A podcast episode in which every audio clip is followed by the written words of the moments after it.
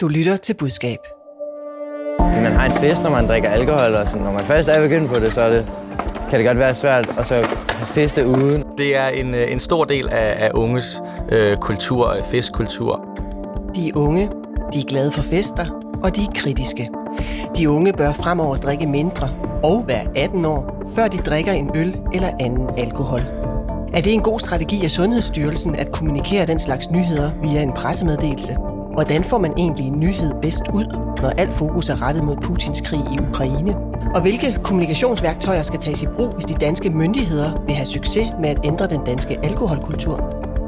Velkommen til Budskab, Fagbladet Journalistens nyhedsmagasin om kommunikation, hvor vi også ser nærmere på mænd i stiletter, glimmerstiletter.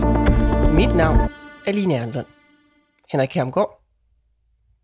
Har du stiletterne på? Nej, jeg har ikke, jeg har ikke stiletter på i dag. Jeg har du en god, sneaks. du har en god sneaks. Sneaks. Velkommen. Jeg har hørt, det gør sindssygt ondt med de der stiletter. kan være, vi skal prøve det. Velkommen. Du er øh, stifter af byrådet White Cloud og tidligere rådgiver for Margrethe Vestager.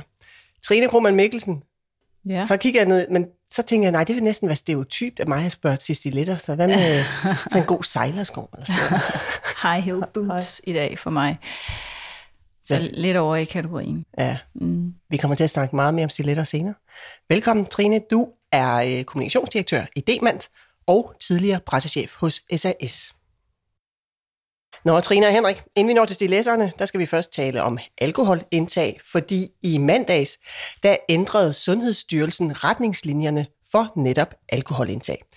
Så i nyheden, Henrik, Nej. Trine, fik du nyheden ind i mandags? Ikke, ikke på dagen, nej.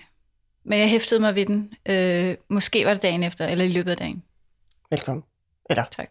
Jeg skal ikke sige velkommen igen. Nej, men velkommen til forsiden. Velkommen til og- forsiden. Og alkoholindtag, ja. Ja. Men prøv at se her. Vi har fundet enkelte nyheder her fra P4, TV2 og Radioavisen. Nu siger Sundhedsstyrelsen, at du maks bør få 10 genstande under vesten i løbet af en uge, og på, på en enkelt dag, ja, der er det maks 4. og dem under 18 år bør slet ikke drikke alkohol. Så lyder de nye anbefalinger, der nu kommer fra Sundhedsstyrelsen. Det er nyt, at anbefalingen for mænd og kvinder er den samme. Indtil nu er kvinder blevet anbefalet højst at drikke syv genstande om ugen, og mænd 14. Det er første gang i 12 år, Sundhedsstyrelsen ændrer på anbefalingerne for alkoholindtag. De nye retningslinjer siger, at voksne maks må drikke 10 genstande om ugen, heraf maks 4 på en dag, og unge under 18 år skal så helst helt lade være. Her kommer Sundhedsstyrelsens enhedschef Nils Sandø. deres hjerner, når de er så unge, så er de ikke øh, færdigudviklet, så det kan påvirke indlæring, det kan øh, påvirke koncentration, og det kan på- påvirke deres impulskontrol. Ja, Henrik Kjermgaard, som du kan høre, vi, vi har fundet nogle nyhedsklip, men nyheden var ikke med i de store nyhedsudsendelser på DR i mandags. På TV2 kom nyheden først med i 21.30'eren.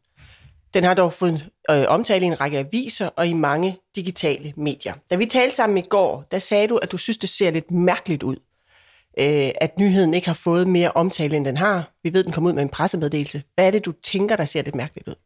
Nå, altså, øh, ja, nej, jeg synes ikke, det er mærkeligt, fordi der er masser af andre nyheder, så det er sådan set logisk, at den ikke får mere omtale.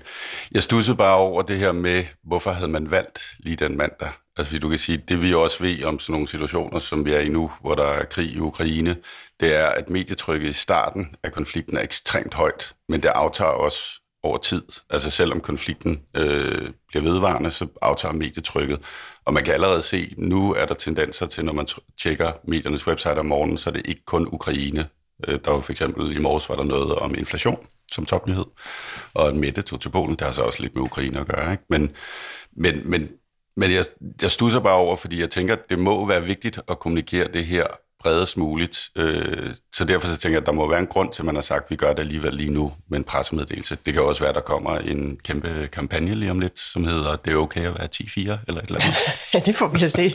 Okay, men du undrede dig i hvert fald, Trine Krohmann. Du fik jo så ikke nyheden ind i mandags, men har jo så senere øh, opdaget den. Du sagde til mig i går, du synes omvendt, det egentlig var fint, den måde, den kom ud på. Ja, jeg, jeg tror godt, Hvorfor? jeg ved, hvorfor de gjorde det. Ja, hvorfor? Fordi de var klar. Ja. Øh, det her, det er jo ikke noget, øh, de har arbejdet på sådan inden for de sidste fire uger, og så er de blevet klar til at fortælle nyheden. Det har jo været formentlig et langt sejt træk med at vurdere de rigtige retningslinjer. Hvad skulle der stå i dem? At 10-4 et godt, en god anbefaling af 18 år for voldsomt osv. osv. Og, nu, og nu var de klar, og så skulle den ud. Øh, og, og i lyset af, at temaet ikke er noget, øh, øh, du arbejder med øh, i en kort håndvending, og så har vi alle sammen skiftet adfærd, men er et kæmpe langt sejt træk. Virkelig langt sejt træk. Så tænker jeg, at de har vurderet, lad os bare få det ud, for vi, vi skal alligevel arbejde øh, kontinuerligt, øh, effektivt, øh, hårdt, øh, klogt osv. osv. i tiden fremover. Så nu skal den bare ud, så vi kan tale om det. Vi starter med at tale om det. En soft launch, kunne man godt kalde det i, i, inden for vores verden. Det gør vi nogle gange. Vi, vi, vi vælger at gå ud med noget, hvor vi godt kan se, okay, det her det kommer ikke til at rydde forsider, det kommer ikke til at lægge hele mediebilledet øh, ned, og det bliver på alles læber, men vi skal have det ud, så vi begynder at tale Men om vil det ikke det. være bedre at komme med et ordentligt Nej, brag? så? ikke nødvendigvis. Det synes jeg ikke. Det vil, det vil man jo altid gerne. Altså tænk, hvis en hver nyhed kunne blive et ordentligt øh, et brag, og alle talte om det. Det, det, kunne da, det er den bedste af alle verdener. Sådan, sådan fungerer kommunikation bare ikke. Øh, vi, vi er jo øh, en klassisk model, man arbejder med, når man, når man bliver undervist i kommunikation, af den her kommunikationssituation.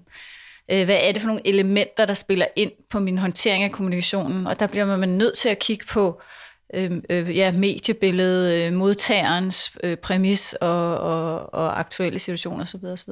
Men lad os prøve at se, fordi vi har talt med Sundhedsstyrelsens kommunikationschef, hun hedder Eva Tolstrup Siler, og hun siger til os, at de faktisk gerne vil have haft nyheden bredest muligt ud. Men vi vil jo sådan set virkelig gerne have dem ud, og også gerne have dem langt ud. Øh, men, men vi er også realistiske i forhold til, at, øh, at det her er jo en, en, en presseudmelding. Det er jo en, en, en nyhedsbordet historie, øhm, og der ligger jo et helt andet, øh, meget mere langt sejt træk til grund, hvis man reelt gerne vil ud og ændre øh, på folkesundheden, når det handler om alkohol. Og det er jo i bund og grund det, vi gerne vil. Øh, så man kan sige, der er også der er også andet kommunikation under opsejling. Det var ikke sådan en uh, one-off, og så er, vi, så er vi videre, og så tænker vi, at så sker det også selv. Øh, og hun siger også at deres indsalg, det var ikke muligt, fordi øh, flere øh, medier havde på forhånd spurgt til historien, og som offentlig myndighed, der skal man behandle alle lige, så man kunne ligesom ikke bare gå til DR og sige, her får I den historie. Og når de gik ud i mandags, Trine, det er det, du også er inde på, så skyldes det blandt andet, at de havde timet alkoholanbefalingerne til at komme ud, før der store rapport Sundhedsprofil, øh, som faktisk er udkommet i dag her torsdag den øh, 10. marts. Det var øh, vigtigt for os at komme ud med de her øh, nye genstandsgrænser, øh, fordi vi jo selvfølgelig gerne ser, at de kommer ud og øh, bliver kendte blandt befolkningen, men også fordi vi har øh, haft et ønske om at, at time det i forhold til den analyse, som hedder Sundhedsprofilen, som i virkeligheden bliver offentliggjort torsdag. Det er en øh, analyse om øh, danskernes sundhed, som bliver gennemført hver fjerde år, og hvor der også kommer til at være øh, sådan betydelige perspektiver på, på blandt andet alkohol. Nu kender vi så lidt af af begrundelserne og tankerne inde i øh, Sundhedsstyrelsen med Henrik Kermgaard. Men det du sagde før, øh, at du godt kunne have set, at det med fordel kunne have fyldt noget mere, den her historie, det er det, jeg hørte dig sige. H- Ja, ja, hvad havde du så gjort, hvis du sad med den der rapport, Jamen, altså, det var, der var på trapperne? Det var det, jeg sagde, at, at, at man kan jo godt have en grund til, at man gør det, som de har gjort, og det har de også, og som Trine også var inde på, du kan også lave de her soft launches og så videre, øh, og du kan også have en anden grund. Regeringen kommer med et sundhedsudspil, øh, en sundhedsoplæg til en sundhedsreform, ikke så længe. Det er ikke lige med det første, kan jeg godt sige dig. Hvor, hvor, Jeg hvor, arbejder ved du Jeg det fra, arbejder med sundhedskommunikation, jo den virksomhed, jeg arbejder i, har, har at gøre med hørelse og sundhed, og vi venter, og vi venter. Okay. Men, men, men som Eva Sigler også er inde på, altså der kan være mange grunde, og selvfølgelig også som Trine siger, det er jo et langt sejt træk, fordi grundlæggende så handler det om at ændre en adfærd. Øh, men jeg synes, det man kunne have fået også på de første dage, som man ikke får, det er jo de der klassiske debatter, som man kan lave i tv og radio, om at nu er de her retningslinjer kommet, som du kan bruge til, fordi det er forbudskommunikation, og forbudskommunikation er svært, fordi det er grundlæggende ikke særlig fedt at sige til folk, det her må du ikke, og nu skal du holde op med at gøre det der, du må ikke ryge osv. Øh, så derfor synes jeg, det, det de kunne have fået, som de ikke har fået, det er de her, altså klassisk kunne man have lavet en debat i, i, i TV-avisen, kunne der have været noget radiodebat og så videre, øh, hvor man ligesom folder det ud. Øh, og så synes jeg jo sådan set, at man kan jo også sige, at det var så tilfældigvis min underbo, som er kraftlæge, som fortalte mig det øh, dagen efter, ikke? Ellers det fløj hen over hovedet på mig. Er det et problem, at det fløj hen over hovedet på dig? Nej, ikke nødvendigvis, fordi jeg finder ud af det på et eller andet tidspunkt. Øh, men man kan sige, at jeg har, jeg har fire børn. Øh, jeg drikker selv. Øh, så hvad hedder det, så jeg er jo i målgruppen på mange måder. Nyheden den kom så faktisk ud via en pressemeddelelse. Lad os se lidt nærmere på selve pressemeddelelsen. Styrelsen sendte den ud i mandags den 7. marts kl. 11. Den havde overskriften 10.4. Sundhedsstyrelsen melder nye genstandsgrænser ud. Meddelelsen beskrev først de nye anbefalinger for voksne, som også er vinklen i rubrikken. Og det er altså vi andre, altså vi voksne, vi bør drikke maks 10 genstande om ugen og maks 4 på en dag, og det gælder så både mænd og kvinder, hvor der jo før har været differentieret mellem mænd og kvinder. Længere nede i pressemeddelelsen står så nyheden om, at de unge under 18 år helt frarådes at drikke. Det er dels af helbredsmæssige årsager, da det kan skade hjernen, der endnu ikke er færdigudviklet, men det giver også en uhensigtsmæssig social adfærd, siger styrelsen, for eksempel øh, vold og uønsket sex. Trine Krohmann Mikkelsen, hvis nu du sad derinde i Sundhedsstyrelsen, vil du så, du siger så timing og alt det, det er fint, men vil du så gå ud med så to store nyheder i samme øh, pressemeddelelse? Ja, lige det her tilfælde, der vælger, fordi det hænger uløseligt sammen, øh, voksnes adfærd øh, med børns adfærd øh, inde på, ja, på mange områder, men særligt også inden for alkohol. Så øh, det synes jeg er, øh, er, er en, en fin strategi i, den her, i det her tilfælde. Fordi hvis vi skal ud og lære øh, de unge, at de ikke skal drikke, før de bliver 18 år, så er der jo nødt til at være øh, nogle kulturændringer i vores samfund, fordi sådan agerer vi hverken voksne eller børn i dag. Og det kan man måske gøre ved de nye anbefalinger til voksne. Men de fleste nyheder gik jo på det med de unge. Ja. Øh, øh, Ja. Og den 10-4, Og det- det jeg synes ved jeg- ikke, hvor mange det- der så så. Den, Nej. der også gælder de voksne. Nej, så kan man jo efterhånden øh, differentiere sin kommunikationsindsats på de forskellige områder. Men det, jeg hæftede mig ved, var, var i virkeligheden det, der nok skal til, og det Sundhedsstyrelsen i sidste ende rigtig gerne vil have et lovindgreb. Øh, altså at hæve aldersgrænsen for, når man, hvor, hvornår man må købe alkohol. Og der fik de øh, ikke en, en stor øh, landsdækkende diskussion, men der, der, der kom en diskussion omkring, øh, øh, hvornår, øh, og, og, altså lovgivning, om vi skal ændre lovgivning. Og så dykkede jeg lidt ned i det, og, og det viser sig, at, øh, at øh, SF's ordfører på det område, hvad hedder hun, Kirsten Norman Andersen, har, Ja, øh, har faktisk været ude tidligere og været imod det her, men hun går så øh, ud på Twitter og siger, åh, oh, øh, det kan da godt være, at vi skal ændre øh, adfærd på det her. Så du mener, at det her det skubber på en politisk proces i virkeligheden? og det er i virkeligheden det, øh, der er lige så vigtigt for Sundhedsstyrelsen. Det er egentlig ikke så meget... De ved, det lange seje træ- træk ligger i vores kultur. På den korte bane, der kan de arbejde med lovgivningen til at støtte op om adfærd. Og, og, ja, og, og det kan man jo se med, med alt sådan reg- regulerende adfærd. Man er nødt til at have noget lovgivning ind over. Henrik, du kender jo politik indenfra. Ser du også, at Sundhedsstyrelsen her skubber på den politiske proces, eller ser du, at der er noget politisk inde bagved, som i virkeligheden så kommer ud bagom via Sundhedsstyrelsen? Forstår du? Ja, øh, nej, ja at, det kan jo gå begge veje. Det kan jo sådan set også være i arbejdet med øh, den kommende sundhedsreform, som kommer på et tidspunkt, øh, at, at, hvad hedder det, at man arbejder med en lovændring præcis på det område, ligesom at der går rygter om, at man arbejder på en lovændring på cigaretområdet. Øh, så det kan også være, altså det kan jo både være øh, Sundhedsstyrelsen, der siger, vi skubber, det kan sådan set også være, at de primer for regeringen. Altså der, der er flere muligheder her. Hvad, hvad, hvilken mulighed hælder du til?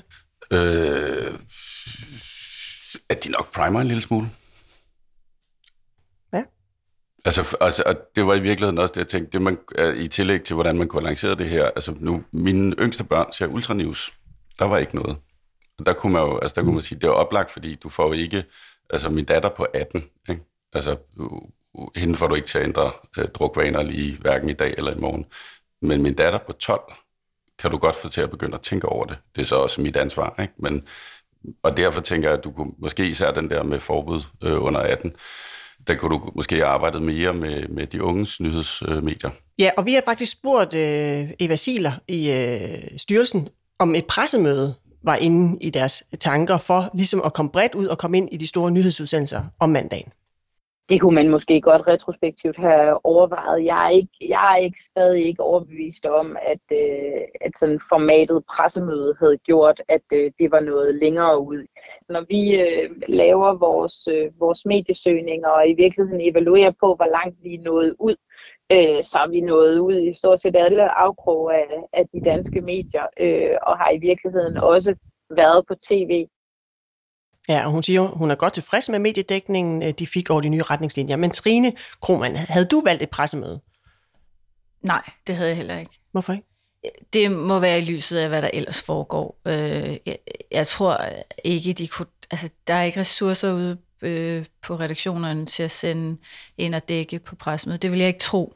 Det ville også være min vurdering. Øh, nu nu øh, var jeg lige tilbage ved, før jeg arbejder med sundhedskommunikation. Øh, vi har også for nylig haft det, der hedder World Hearing Day, eller Verdens Hørdag, 3. marts øh, oven i det her øh, forfærdelige øh, øh, verdensscenarie, vi har. Og vi valgte at køre videre med det, men vi, var, vi havde da en fuld erkendelse af, at vi kommer nok ikke til at, øh, at, at, at skabe særlig meget spalteplads omkring det, men så kan der være nogle andre årsager til at fortsætte med sin historie. Hvad var årsagen for jer til at holde fast i en strategi, selvom I godt kan se, at Putins krig fylder det hele? at dagen ikke rykker sig, kan man sige det ene. Det andet var, at vi havde nogle arrangementer, hvor der var nogle mennesker, der havde meldt sig til. Altså, så må vi jo øh, så må vi tage det ud af det, vi kan få. Vi har haft lanceret kampagner på verdensplan for vores klinikker i hele verden, som, øh, som handler om at, at passe på sine ører. Og, og det har vi også øh, holdt fast i, i en erkendelse af, at selvfølgelig kan dækningen gå ned på PR-fronten, kan vi se, vi skal jo ikke gøre forhåbninger om at få særlig meget PR-dækning, men vi ved bare, hvis vi stopper med at kommunikere sundhed, så skynder, så glemmer folk det. Vi skal altid holde et, et, et pres på sundhedskommunikationen. Ellers så, så glemmer man sin, at tage sig af sine ører, eller sine tænder, eller hvad det nu er. Øh, og vi kunne se, nu talte jeg med vores marketingdirektør for vores klinikker, og han fortalte, at der, der var et, et 10% fald i den reach, vi ellers normalt ser.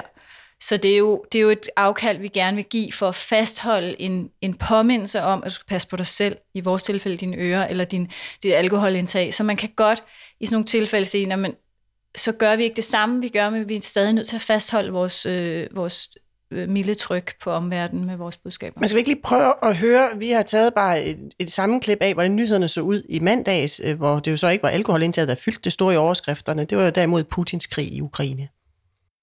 De russiske styrker har intensiveret deres artilleriangreb mod flere ukrainske byer i nord, øst og syd. Her kommer ukrainske flygtninge til fods flygtninge fra den krig, der nu er i gang på 12. døgn. Vi hører også om folk, der har siddet i beskyttelseskældre i dagvis. Det er meget svært at få civilbefolkning i sikkerhed.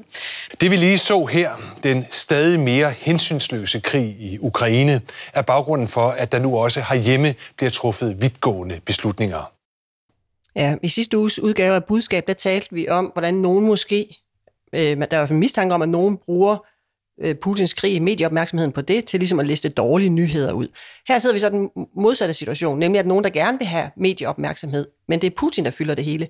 Henrik Kermgaard, hvad er din rådgivning der til, til potentielle kunder? Altså, hvad gør man? Jamen, det er, hvis man har mulighed for at vente lidt, så vent. Altså, altså man kan sige, der kan, som Trine også er inde på, der kan jo være grunden, altså det praktiske grunde, pipeline-grunden, alle mulige grunde til, at du bliver nødt til at gøre det nu, planlægningsgrunden, eller det kan være, det er en mærkedag, øh, som Trine også nævnte før. Men jeg vil sige, grundlæggende, øh, der er ikke, altså selvom nyhedsforbruget er stigende under en krise, så er det jo formentlig mest nyheder om Ukraine, øh, som folk læser, hører.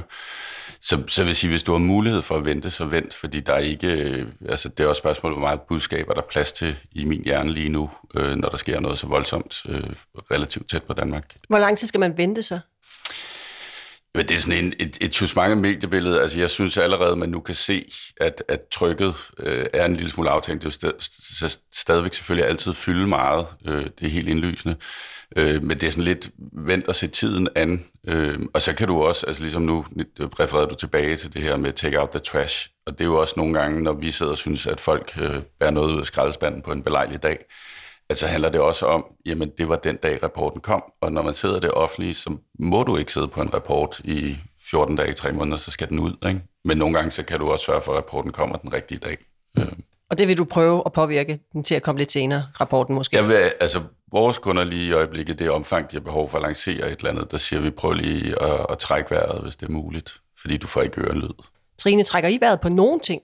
Ja, altså jeg vil, det vi gør er jo, at vi tager to hovedvurderinger. Det ene er omdømmemæssigt. Øhm, risikerer vi at lægge os helt forkert øh, i, en, i en svær situation?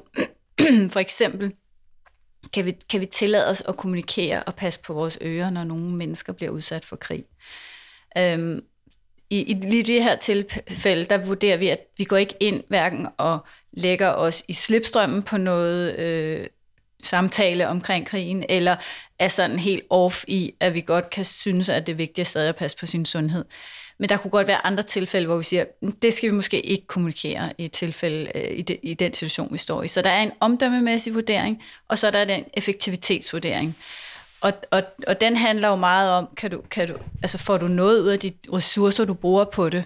Og, og tilbage til min pointe før med, at vi kunne se en, et 10% fald, det, så det kan vi godt leve med, så synes vi stadig, at vi har fået noget ud af det. Øh, Så jeg, jeg vil sige, det er de to vurderinger, vi konstant går ind, når, når det er øh, svære tider. Øh, Det omdømmemæssige, og så den effektiviteten i det. Henrik, du markerer. Ja, det er fordi, nu, nu fokuserer vi meget på PR, men hvis du, vi hopper over Jamen, jeg, jeg mener faktisk også øh, reels Betalt. på sociale Ja, medier præcis. betalt. Ja. Hvis du snakker om altså betalt kommunikation, annoncekampagner osv., så, videre, så er der jo også i forbindelse med kriser, der er dels, at, at virksomhederne lige i øjeblikket, de laver nogle ret hårde opbremsninger, fordi de er usikre på den globale økonomi, og de er usikre på, hvad sker der med altså forbrugerindekset, forbrugernes tillid til, øh, til økonomien er faldende. Det betyder også, at de begynder at købe mere. Så, så virksomhederne bremser op af sig selv. Men du kan også sige, at det, det så vi også i, jeg var på politikken i forbindelse med 9-11, at altså, flyselskaber annoncerer jo ikke, når der sker sådan noget. Ikke? Ligesom der er også produkter her, hvor du siger, at det er, er upassende og en annonce på side 3, lige ved siden af store nyheder om flygtningestrømme og folk, der bliver slået ihjel i Ukraine. Ikke? Så, så der er masser af perspektiver, som man skal være opmærksom på, og derfor så siger jeg, altså hvis du har mulighed for lige at trække vejret og tænke dig om, også fordi i sådan en situation, som vi er i nu, noget der er jo øh, sjældent er plads til, det er lige sådan, skal vi ikke lige omtanke og tænke os om, altså man kan sige, alle virksomheder havde travlt med at sige, se, vi fjerner alt russisk fra hylderne, vi putter ukrainske flag. Altså for eksempelvis de virksomheder, som har farvet deres logo øh, med de ukrainske farver, hvis krigen var i 10 år, vil de så bevare det logo i 10 år, eller hvad vil de gøre? Øh, der er også nogle danske virksomheder, der er inde på det her med at gå ud ret hurtigt og sige, vi dropper russisk produktion osv., men hvad med Iker, der står på fabrikken? Altså, hvad gør det for ham? Altså, der er en masse perspektiver, øh, og der er også virksomheder, som har, har brugt tid på at tænke over, hvordan skulle de håndtere det her, ikke? og der er virksomheder, der er meldt ud og siger, vi lukker ikke vores produktion i, i Rusland eksempelvis. Og det er et helt andet perspektiv. Ja. Trine, helt afrundende i forhold til øh, de nye alkoholretningslinjer i Sundhedsstyrelsen. Det er jo der, vi, det er jo der, det jo der, vi startede jo, så vi skal lige runde af. Ja. Okay, så parkerer Jeg skal holde jer på sporet, andre, ikke? Ja, ja, det er jo... Ja, undskyld. Jamen, havde du en kommentar til det? Nej. Til alkohol? Ja. Ja, altså personligt synes jeg, det er fremragende. Øhm, ja, vi så øh, øh, for nogle år tilbage, der blev... Den, den sidste anbefaling har så været Ja, det er 12 år 16 siden, ikke? Og jeg kan 2010. huske, da min 17-årige gik i øh, 8. og vi skulle have et eller andet foredrag for kommunen, så sagde de 16 år, og jeg tænkte, gud. Men det rykkede alligevel med min grænse og opfattelse af det, så jeg tror, jeg synes, det er fremragende. Jeg synes, det rykker ved noget. Ja. Vi ser. Jeg er sikker på, at der kommer noget kampagne. Vi må se, om den kommer til at hedde 10-4. Henrik, jeg kan allerede se begejstringen lyse ud af dine øjne. Har du Onkel, onkel Henrik. Onkel Henrik, det er 10-4, hvad Ja. er 10-4? 10-4. Ja, ja. Den tager vi til den tid, ja. hvis den kommer. Ja.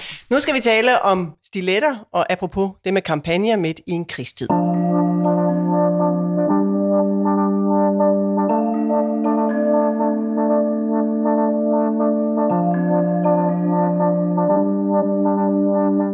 Øh, I tirsdags, den 8. marts, var det som sædvanligt kvindernes internationale kampdag. Og den kampdag bød sædvanen tro på forskellige kampagner. Også denne her fra skofirmaet Rockamore, med blandt andre en tidligere finansminister i højhælede glimmerstøvler. Så nogle af de ting, man konkret kan gøre øh, for at, at ændre det billede, vi, vi har i dag, det er jo at lade hele, hele forholdet til den her sag gennemsyre utålmodighed. Altså, det må ikke blive en, det må ikke blive en doven diskussion. Øh, det må ikke blive sådan en, en pæn, synes jeg heller ikke, diskussion. Øh, der må være en, den må gerne krasse, øh, og der må gerne være et, et, et element af øh, sådan, måske en lille smule oprør i forhold til, at, at vi her er et sted, som ikke holder. Ja, det var chefredaktør på Børsen, Bjarne Korydon. Vi hørte her tale om, øh, kan man sige, ligestilling i bestyrelser, i hvert fald flere kvinder i de danske bestyrelser. Andre mandlige profiler deltog også i kampagnen. Brian Mikkelsen fra Dansk Erhverv, direktør i Podimo Morten Strunge og erhvervsmand Morten Albæk. Og så var der også en kvinde, nemlig øh, Mia Wagner. Øh, og de her de var udvalgt som symboler på den skævfordeling, der er af mænd og kvinder i diverse bestyrelser. Trine Krohmann Mikkelsen, hvad tænkte du, da du så denne kampagne, mænd i jakkesæt og så siddende med glimmer stiletter på? Ja, altså jeg har været øh, lidt frem og tilbage på min egen, mit eget barometer af, af kærlighed til den her kampagne. Øhm, feministen i mig øh, kunne godt blive lidt træt øh, af øh, reduceringen af et, et relativt øh, ømtåligt, svært, rigtig svært emne. Et, et emne, hvor vi overhovedet ikke er der, hvor vi øh, i min optik burde være som, øh, som øh, befolkning og nation. Øh, Øh, reduceret til at nu øh, valser øh, tre mænd ind og skal fortælle, hvordan vi løser det her med, ved at tage hø- høje hæl på. Så blev, og så på den anden side, så ved jeg også, at nogle gange har svære øh, øh, samtaler behov for lidt lethed. Øh, så, så det kunne jeg egentlig godt lide ved den, og så dykkede jeg ned i den og, øh, og kiggede lidt på de forskellige, øh, på Brian Mikkelsen på den ene side, og Bjørn Køjderen på den anden side, og så så jeg også forskellige håndteringer af den. Øhm, så, så, og det kan vi måske Ja, komme, tilbage komme tilbage til, til, ja. men, men, men overordnet, øhm, der tror jeg, at Rockamore, de har fået en masse omtale, skal nok sælge nogle sko på det her, og fået øh, synlighed på det. Øhm, for, for den ligestillingsdagsorden har ikke vundet noget, øh, og så kan man diskutere, hvad Dansk har, for eksempel har vundet ved det. Ja, Henrik Hamgaard, hvad tænkte du? Var du også delt? Eller? Nej, jeg tænker jo, i forhold til, hvad vi lige snakkede om med Sundhedsstyrelsen, så viser den jo faktisk, at du godt kan tiltrække dig ret meget larm, selv i en krisetid. Øh, ja, jeg, altså jeg synes, jeg fik tilsendt et screenshot af den med Bjarne Korydon lørdag, øh, og jeg, jeg, jeg smilte og grinte vist også en lille smule. Og det er, fordi jeg kan godt lide den der diskrepans mellem Bjarne Korydons offentlige image, og så den kontekst, han bliver placeret i. Øhm, jeg synes, den har nogle problemer. Altså det, det oplagte, som vi har diskuteret rigtig meget, de her mænd, der optræder, hvor mange kvinder er der så i deres direktioner, i deres bestyrelser. Og der kan man sige, der kan de jo altid gå ud og sige lidt, det Bjarne siger, det er noget, vi skal have fokus på, det er noget, vi arbejder med, fordi de er sådan set ambassadører. Jeg skal lige prøve at høre, hvad det er, de og, siger. Nej, det er bare lige, fordi Ja, ja. også det Trine er inde på, det her, hvad er det egentlig? Er det en, en reklame for et, et privat virksomhed, der sælger højhældede sko?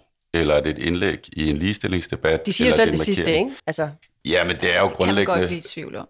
Ja, det kunne man godt blive i tvivl om, ikke? Fordi kunne man have fjernet Rockamores navn og alt sådan noget. Men jeg synes, der er noget, der er noget, der er noget sjovt. Altså, jeg kan godt lide øh, kampagner, hvor der er det her diskrepans mellem, altså hvor der er et eller andet, det billedmæssige kontra budskab og så videre, der fanger dig. Det giver en, en, en god stopeffekt. Jeg synes faktisk, den blev udvandet, da jeg opdagede, at der var alle mulige andre med. Jeg synes, det havde været sjovere og mere spot on, hvis det bare havde været Bjarne. Skal vi ikke prøve at høre, hvad nogle af mændene så rent faktisk har sagt? Fordi øh, kampagnen er blevet delt og kommenteret flittigt på de sociale medier. Den har fyldt i flere dage. Den fylder også i dag her torsdag. Den er også som outdoor. Ja, den øh, hænger, øh, også når jeg cykler forbi den, øh, outdoor. Men der er jo også dem, der stiller kritiske spørgsmål. Berlingske brugte for eksempel en hel artikel på det med rubrikken Skokampagne møder kritik, og kunne her for eksempel skrive, at Dansk Erhverv kun har seks kvinder i bestyrelsen, og der er 40 mænd i samme bestyrelse. Og hvor til direktør i Dansk Erhverv, Brian Mikkelsen, svarer, jeg citerer, jeg advokerer jo ikke for, at Brian- Mikkelsen er the shit. Jeg siger jo ikke, at han har løst problemet. Tværtimod sætter jeg ham lidt i stævne nu. Børsens Bjarne Korydon gik selv kritikken i møde på lederplads i børsen. Han skrev blandt andet, der er bestemt en risiko for at ende med en ligestillingskamp, der kvæles i passiv, passiv sympati og mere kommunikation som erstatning for reel handling. Alligevel synes jeg, at gamle mænd i høje glimmerhæle og jakkesæt giver mening som bidrag til en kampdag, der ikke handler om os, men snarere om det problem, vi også repræsenterer. Så får I lidt fakta. I børsens ledelse sidder der tre mænd og to kvinder. I bestyrelsen sidder der ifølge CVR-registret otte mænd og en kvinde. Og så er der Morten Strunge fra Podimo. Han har også fået kritik på sociale medier. Ham har vi talt med her på budskab. Og han siger, eller vi har spurgt ham ad, om det ikke er en gratis omgang at stille sig op i højhældet sko og være model for budskabet om flere kvinder i toppen. Det synes jeg ikke. Altså, jeg synes, det ville være helt grædt, hvis jeg havde sagt nej. Altså, tænk, hvis jeg havde sagt, at det vil jeg ikke stille op til. Altså, jeg ved jo godt, hvordan vores bestyrelsessammensætning ser, så ud, da jeg blev spurgt. Jeg kunne godt bare have sagt, om det er jeg ikke interesseret i at medvirke i. Altså, jeg synes jo netop, det er med til at, at accelerere den debat, og det er jo altså, bare det, at I sætter fokus på det nu, og andre medier, det er jo fantastisk. Det er jo det, vi gerne vil have. Øhm, og så, og så, så stille og roligt kan man gradvist få, få, øh, få ændret øh, holdningerne og processerne og så videre, som ligger, hvor det ansvar ligger placeret mange forskellige steder. Og jeg skal måske lige sige, at øh, Morten Strunge, han har nul kvinder i bestyrelsen øh, i Podimo. Men alle tre mænd, vi hørte her, øh, giver udtryk for, at ja, vi har ikke løsningen, men vi er ligesom en del af problemstillingen, og det anerkender vi. Trine Krummer Mikkelsen, hvor meget orden synes du, man skal have i eget panelhus, før man ligesom gør sig til posterboy, som folk siger, øh, for en kampagne, der handler om ligestilling?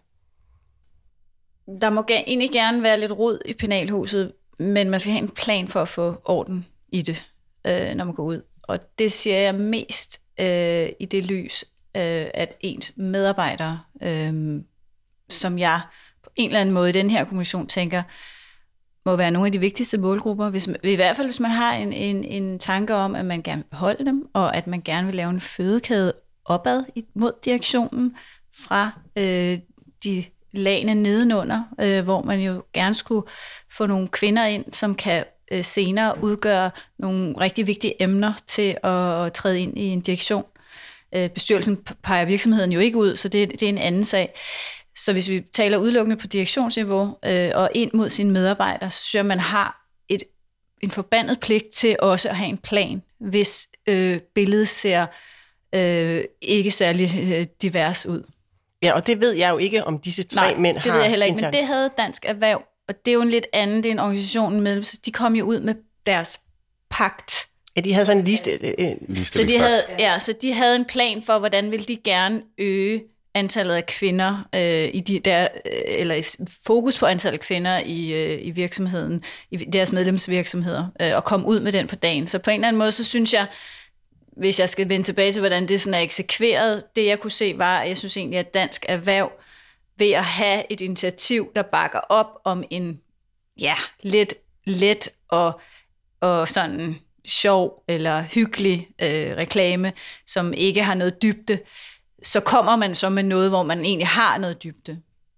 Og børsen, det var et langt forsvar for, hvorfor gør jeg det på, på LinkedIn for eksempel, som i øvrigt også virker underligt at have en leder på LinkedIn.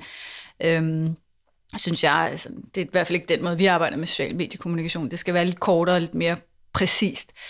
Der, det var et langt forsvarstale for, hvorfor stiller jeg mig alligevel op i stiletter. Men er det ikke at mødegå kritikken at gøre det? Jo, men det er jo bare, det kan enhver, der stille sig op og sige, hvad, hvad gør du? Altså, vis, vis, vis handling. Og det synes jeg alligevel, det øh, Dansk Erhverv lykkedes med. Nu ved jeg ikke, om børsen har lanceret et initiativ internt. Det, Det det er da kan også jo godt være. Vi Det håber mulighed- jeg da på en eller anden måde. Vi har ikke haft mulighed Ja. for at tale med Bjarne Køjderen, øh, desværre. Nej. Men øh, Henrik Kjermgaard, så kigger jeg over på dig, for du har været med i nogle udgaver af budskab efterhånden, heldigvis. Tak for det. Øhm, Selv tak. Ja, og i august, der var du med i budskab og talte om pinkwashing, altså det her med, at man lige hænger en pink flag ud, når der er Pride-uge i, i København. Vi skal lige høre, hvad du sagde. Hvis kommunikation bare er kommunikation, altså hvis der ikke ligger nogen beslutninger bag, eller som Kim siger, noget substans eller nogle handlinger, så bliver det jo bare stafage.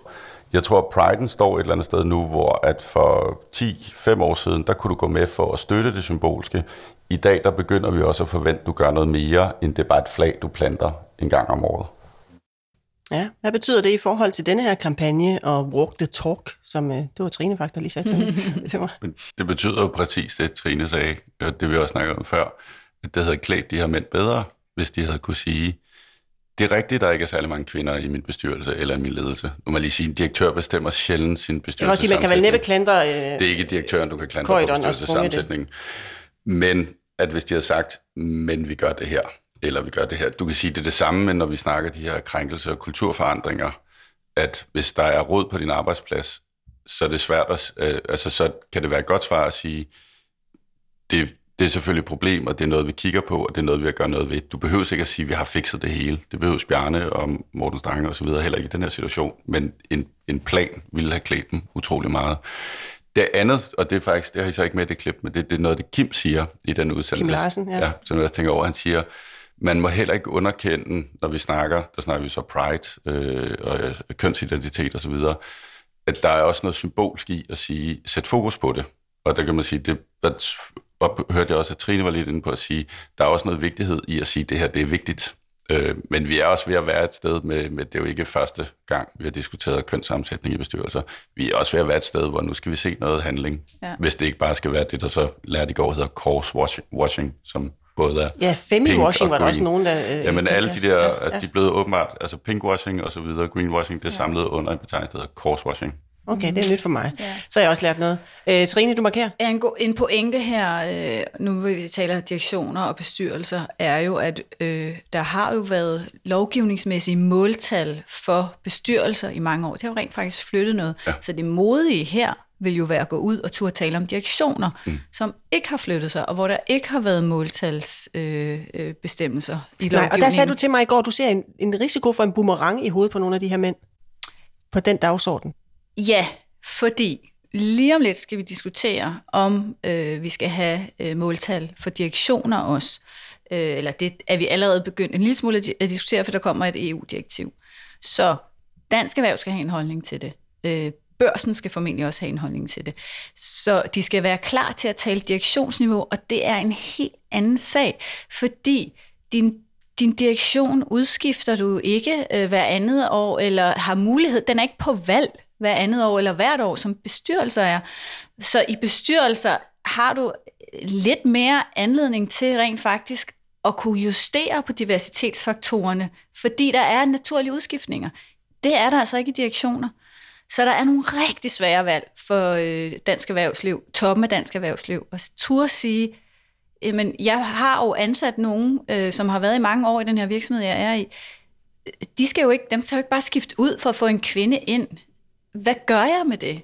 Det er en svær og, og, og diskussion, der kommer øh, snart, som, som de skal forholde sig til. Og det har været modigt at gå ind på den, vil jeg sige. Ja, der, der, Eller kunne, modigt at stille sig op der, i der kunne de jo netop have præsenteret og sagt, vi har den her plan, Ja. for det er et noget Ja. ved talent, plejetalent, det ikke noget andet. De ved Og så vil jeg sige, det er jo faktisk lykkedes, hvis du kigger på, på Carlsbergfonden, ikke? så er der tre kvinder i spidsen nu i Ny Carlsberg, og Carlsbergfondet og Tuborgfondet. Mm. Og Så en- det, altså, en man kan jo godt, omkring- hvis man vil. En note omkring børsen. De har jo for nogle øh, år tilbage valgt at sige, nu den grønne dagsorden, den vil vi markere os på, og har virkelig de har lavet tillæg og arbejdet ekstremt hårdt med at positionere sig som en avis, der beskæftiger os ind, sig indgående med den grønne dagsorden. Jeg har ikke set et diversitetstillæg eller noget andet end en, en leder, der sådan siger, okay, hvad, hvad sagde han lidt om, at nu vil, han det, nu vil de have flere kvindelige talspersoner i børsen? Og, og, Ja, han siger så, altså- de har arbejdet med det, og så skal ja. Vi så jo lige sige, at de har selv, ja. altså de har tre mænd Ja. i direktionen og, og to øh, kvinder. Jo, jo, men avisens dækning. Ja. Men, Men Henrik kan- Kjærgaard, hvad er dit godt- råd til de her mænd? Hvad er de her råd? Jamen- de er jo kommet til dig og sagt, skal jeg stille mig op i den der kampagne? Eller de kommer om i 14 dage og spørger, skal jeg stille mig op i den der kampagne på den der? Fordi jeg risikerer jo også, at der er nogen, der så kritiserer mig for et eller andet. Hvad er dit råd til dem? Jeg vil sige, du skal have en platform at stå på. Altså, vi har, vi har en del i øjeblikket, vi rådgiver omkring de her kulturelle forandringer, øh, som er meget fokuseret på kønsidentitet og arbejdsforhold, og hvordan er man sammen i et lokale osv. Og der, det vi siger til dem, I kan ikke sige noget, før I har en platform. Altså, I bliver nødt til at have gjort noget. I behøver ikke at være færdige. Det her, det er jo også, altså det er jo kulturelle forandringer. Det er jo ikke nødvendigvis ting, vi bliver færdige med. Forhåbentlig bliver vi ikke færdige, fordi vi kan altid gøre det bedre. Øh, hvad hedder det? Men du bliver nødt til at have en platform. Du bliver nødt til at kunne pege på et eller andet. Så det vil, altså i virkeligheden, de her mænd, de kunne også have brugt, øh, fordi sådan en kampagne, den laver man ikke på 24 timer. Nu har de brugt til at sige, så etablerer vi en platform, eller begynder at etablere det. Og der, altså, Trine havde fine bud. Man kunne have gået ind og sagt, øh, vi fokuserer på, på direktions, øh, hvad hedder det, kønssammensætningen, kønssammensætning, eller, altså, der er mange muligheder. Jeg tror måske også, at de har tænkt, at det er en god sag, det vil jeg gerne være ambassadør for. Ja, og så, de, så er deres pressefolk sagt, og så kan du altid lige sige det her. Ikke? Man kunne godt have gået længere, man kunne godt have tænkt lidt længere. Øhm, og det synes jeg, at de burde have gjort. Og så synes jeg altid, når man er ambassadør i de her tilfælde, så skal man også tænke over, altså er man bare posterboy for Rockamore, eller er man ambassadør for en sag? Og den synes jeg, den, den vibrerer meget lige her. Henrik Kjærgaard, Mm. stifter White Cloud. Tak for dagens gode råd. Mm. Også tak til dig, Trine Krohmann Velkommen. Mikkelsen. Du er kommunikationsdirektør hos Denman, og så er jeg sikker på, at debatten den fortsætter Det derude. gør det, ja.